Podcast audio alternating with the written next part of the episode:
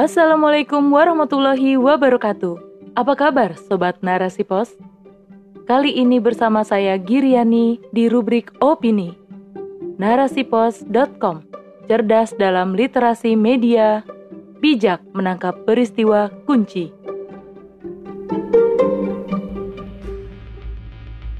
Penista agama merajalela, bukti negara gagal jaga agama oleh Renita. Masih ingatkah dengan Joseph Paulzang, seorang YouTuber yang beberapa bulan lalu mengaku sebagai nabi ke-26 dan menjadi tersangka penghinaan dan penistaan agama Islam? Hingga kini, kasusnya masih mangkrak karena keberadaannya tak terlacak oleh pihak berwajib. Kali ini, jagat maya kembali dihebohkan dengan penodaan agama yang dilakukan oleh seorang YouTuber bernama Muhammad Kece ia pun dikecam sejumlah ulama lantaran narasi dan ucapannya yang berpotensi memicu emosi umat Islam. Seperti dilansir dari cnbcindonesia.com, seorang YouTuber bernama Muhammad Kece dianggap telah menistakan ajaran Islam akibat narasinya yang mengandung ujaran kebencian. Ia mengubah ucapan salam dalam Islam. Dirinya juga mengungkapkan bahwa kitab kuning yang ada di pondok pesantren merupakan ajaran yang menyesatkan dan memicu paham radikal. Ia pun menyebut Muhammad bin Abdullah adalah pengikut jin. Ajaran Islam dan Nabi Muhammad tidak benar, sehingga harus ditinggalkan. Atas laporan serta desakan dari berbagai pihak untuk segera meringkus Muhammad Kece, Kombes Ahmad Ramadan selaku Kepala Bagian Penerangan Umum Polri mengungkapkan pihaknya telah meningkatkan status perkara dari penyidik menjadi penyidikan per Selasa 24 Agustus. Sehari setelah itu, Muhammad Kece berhasil diringkus oleh penyidik Badan Rises Kriminal atau Bares Krim Polri di wilayah Bali dengan status sebagai tersangka. Apa yang dilakukan Muhammad Kece telah mengundang respon sejumlah besar umat Islam di Indonesia. Bagaimana tidak, YouTuber tersebut diketahui telah mengupload video penistaan agama dengan sengaja selama setahun belakangan ini yang semakin membuat umat naik pitam, yaitu penampilan Muhammad Kece yang layaknya seorang ustadz, lengkap dengan peci ketika menyampaikan penghinaan terhadap agama Islam. Sungguh, pelecehan yang sangat vulgar dipertontonkan. Lantas, mengapa penistaan agama di negeri ini terus saja berulang? Muhammad Kece adalah seorang murtadin yang telah berpindah agama dari Islam ke Kristen sejak 2014 lalu ia kerap melakukan penyerangan terhadap ajaran Islam dengan menghina dan merendahkan Allah Subhanahu wa taala, kitab suci Al-Qur'an dan Nabi Muhammad sallallahu alaihi wasallam dalam akun YouTube pribadinya. Diksi yang digunakan juga menyiratkan kebencian terhadap Islam sehingga berpotensi memicu kemarahan umat Islam dan mengganggu kerukunan umat beragama. Melihat narasi penistaan yang dilontarkan Muhammad Kece, seorang muslim tentu akan marah dan geram. Perbuatan Muhammad Kece yang mengupas isi Al-Quran dan mengubah konteksnya sesuai ajaran agama lain jelas merupakan bentuk penghinaan terhadap ajaran Islam. Bagaimana bisa ucapan salam dalam Islam diubah seenaknya dengan menyamakan Allah dengan Yesus? Padahal Islam hanya mengakui satu Tuhan, yakni Allah Subhanahu wa Ta'ala, sementara Yesus dalam pandangan Islam merupakan seorang nabi yang diutus Allah untuk menyampaikan risalah seperti nabi yang lain. Kelahiran Nabi Isa alaihi salam atau Yesus merupakan bukti kebesaran Allah di mana ia diciptakan dengan perantara kalamnya. Yesus tak bisa disamakan dengan Allah karena Yesus adalah makhluk Allah Subhanahu wa taala sementara Allah Subhanahu wa taala adalah sang pencipta semua makhluk yang ada di muka bumi ini. Kemudian, dia juga menyatakan Rasulullah Shallallahu Alaihi Wasallam sebagai pengikut jin. Sungguh, sebuah narasi yang sembrono dan sangat tendensius. Tak pernahkah dia mendengar kisah segerombolan jin dari Nasibain yang masuk Islam setelah mendengar ayat Al-Quran yang dibacakan Rasulullah ketika sholat bersama para sahabat? Keislaman sekelompok jin ini menjadi bukti bahwa jin tersebutlah yang mengikuti Rasulullah, bukan sebaliknya.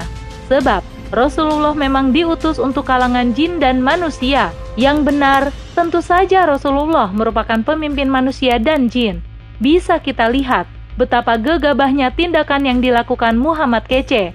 Dengan serampangan, ia menafsirkan isi Al-Quran tanpa memiliki otoritas, mencampur adukan dua ajaran agama yang berbeda, serta berbagai diksinya yang mengandung ujaran kebencian terhadap Muhammad Sallallahu Alaihi Wasallam. Sangat tampak niat busuknya untuk melecehkan Islam beserta simbol-simbolnya. Sungguh miris melihat kasus penistaan dan penodaan agama terus saja terjadi di negeri mayoritas Muslim ini. Kasusnya selalu berulang. Belum tuntas satu kasus, sudah muncul kasus yang baru. Penistaan atau penodaan agama yang kian menggurita menjadi bukti bahwa negara gagal menjamin dan melindungi agama. Sebenarnya, undang-undang terkait penodaan agama sudah ada. Sayangnya, payung hukum tersebut acap kali tak efektif menghentikan kasus penistaan yang terjadi. Bahkan, penegakan hukumnya sering kali mencederai rasa keadilan. Tengoklah bagaimana penistaan agama yang dilakukan oleh orang-orang di sekitar penguasa. Begitu mudahnya mereka bebas dari jeratan hukum hanya dengan menggunakan jurus minta maaf.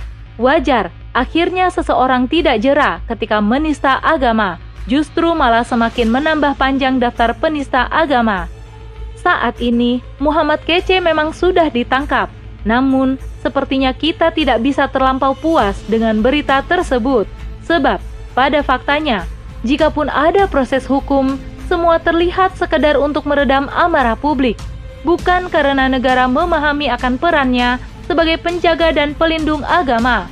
Lihat saja berbagai kasus penistaan agama yang pernah masuk ke jalur hukum, acap kali berujung pada pembebasan. Jika pun dihukum, jenis hukuman hanya berupa sanksi ringan dan terlihat sebagai formalitas belaka. Lebih mirisnya, kita saksikan fakta Ahok sang mantan terpidana penistaan agama. Setelah bebas dari hukuman, malah ditunjuk sebagai komisaris Pertamina. Sungguh melukai hati umat Islam. Tak heran, para penista semakin subur karena negeri ini memberi peluang lahirnya penista agama merebaknya kasus penistaan agama, serta sistem hukum yang tak membuat jerah, tak bisa dilepaskan dari paradigma sekulerisme demokrasi yang diterapkan di negeri ini. Sebagai sistem pengaturan kehidupan, sekulerisme mengalienasi peran agama dari kehidupan, sekaligus mengenyahkan campur tangan negara dalam mengatur urusan agama serta moral masyarakat. Aturan kehidupan dibuat oleh manusia, yang serba lemah dan terbatas. Sementara agama tidak ditempatkan pada posisi yang mulia, maka sah-sah saja ketika agama dijadikan bahan candaan. Selain itu, kebebasan berpendapat yang ada dalam sistem ini semakin menenggelamkan peran agama. Alih-alih dijadikan rujukan negara dalam membuat aturan, agama justru kian terpinggirkan di tengah para pemeluknya menjadi bahan candaan tanpa adanya institusi yang mampu melindungi dan menjaganya. Agama beserta simbol-simbolnya hanya akan digandeng ketika ada kepentingan yang ingin dicapai, entah itu untuk mendulang suara dalam pesta demokrasi ataupun untuk menutupi kebusukan perilaku para punggawa negeri. Ditambah lagi, Ideologi kapitalis yang diemban negeri ini membuat manusia berlomba-lomba untuk mendapatkan materi dengan berbagai cara, tak peduli halal atau haram, termasuk dengan menista agama. Maka dari itu, ketika sistem kapitalis sekuler masih menjadi pijakan negeri ini, dapat dipastikan penistaan terhadap agama Islam beserta simbol-simbolnya akan terus berulang. Karena agama hanya dijadikan komponen pemanis bukan menjadi prinsip bernegara seutuhnya. Menjamurnya kasus penistaan agama merupakan konsekuensi diterapkannya sistem sekuler kapitalis. Maka dari itu, diperlukan adanya negara yang mampu melindungi dan menjaga agama dari berbagai tindak penghinaan dan pelecehan. Itulah sistem Islam yang telah terbukti mampu melindungi agama dan menjaga akidah umat serta menegakkan hukum syariat secara kafah dalam bingkai khilafah negara Islam akan memberangus semua penista agama dengan cara menetapkan sanksi yang tegas bagi para pelakunya. Negara juga akan melakukan amar ma'ruf nahi mungkar untuk menjaga dan mengokohkan akidah umat, sehingga umat akan terpelihara keimanannya dan senantiasa tunduk terhadap Sang Pencipta. semua peluang terjadinya penyimpangan perilaku akan ditutup dan diantisipasi dengan memberikan sanksi yang menjerakan. Dalam Islam, melakukan penistaan terhadap ajaran Islam serta menghina Nabi Shallallahu Alaihi Wasallam hukumnya haram. Sanksi yang akan diterima pelaku adalah hukuman mati. Dalam hadis riwayat Abu Daud nomor 4362, ada seorang wanita Yahudi yang menghina Nabi Shallallahu Alaihi Wasallam dan mencela beliau. Kemudian orang ini dicekik oleh sahabat sampai mati. Namun Nabi Shallallahu Alaihi Wasallam menggugurkan hukuman apa pun dari sahabat itu. Hadis ini dinilai jayid oleh Saikul Islam. Dari hadis tersebut jelas menyampaikan pada kita bahwa penghina Rasulullah Shallallahu Alaihi Wasallam akan dikenai hukuman mati. Di masa Khilafah Utsmani, sikap tegas juga ditunjukkan oleh Khilafah Abdul Hamid II terhadap negara Perancis dan Inggris yang akan mengadakan pertunjukan drama karya Voltaire yang isinya menghina Rasulullah Shallallahu Alaihi Wasallam. Khalifah langsung mengultimatum negara tersebut hingga kerajaan Inggris ketakutan dan membatalkan rencana pementasan opera tersebut. Demikianlah Islam dengan seperangkat aturannya mampu menjaga dan melindungi kemuliaan agama Islam. Sungguh, saat ini umat membutuhkan institusi yang dapat menjadi pelindung yang agung tersebut. Itulah khilafah. Inilah saatnya untuk menerapkan aturan Islam secara kafah dalam mengatur kehidupan berbangsa dan bernegara. Mari rapatkan barisan untuk mewujudkan kemuliaan Allah Subhanahu wa taala, Nabi Muhammad sallallahu alaihi wasallam serta umat Islam dengan berjuang menegakkan khilafah di muka bumi ini. Wallahu a'lam bisawab.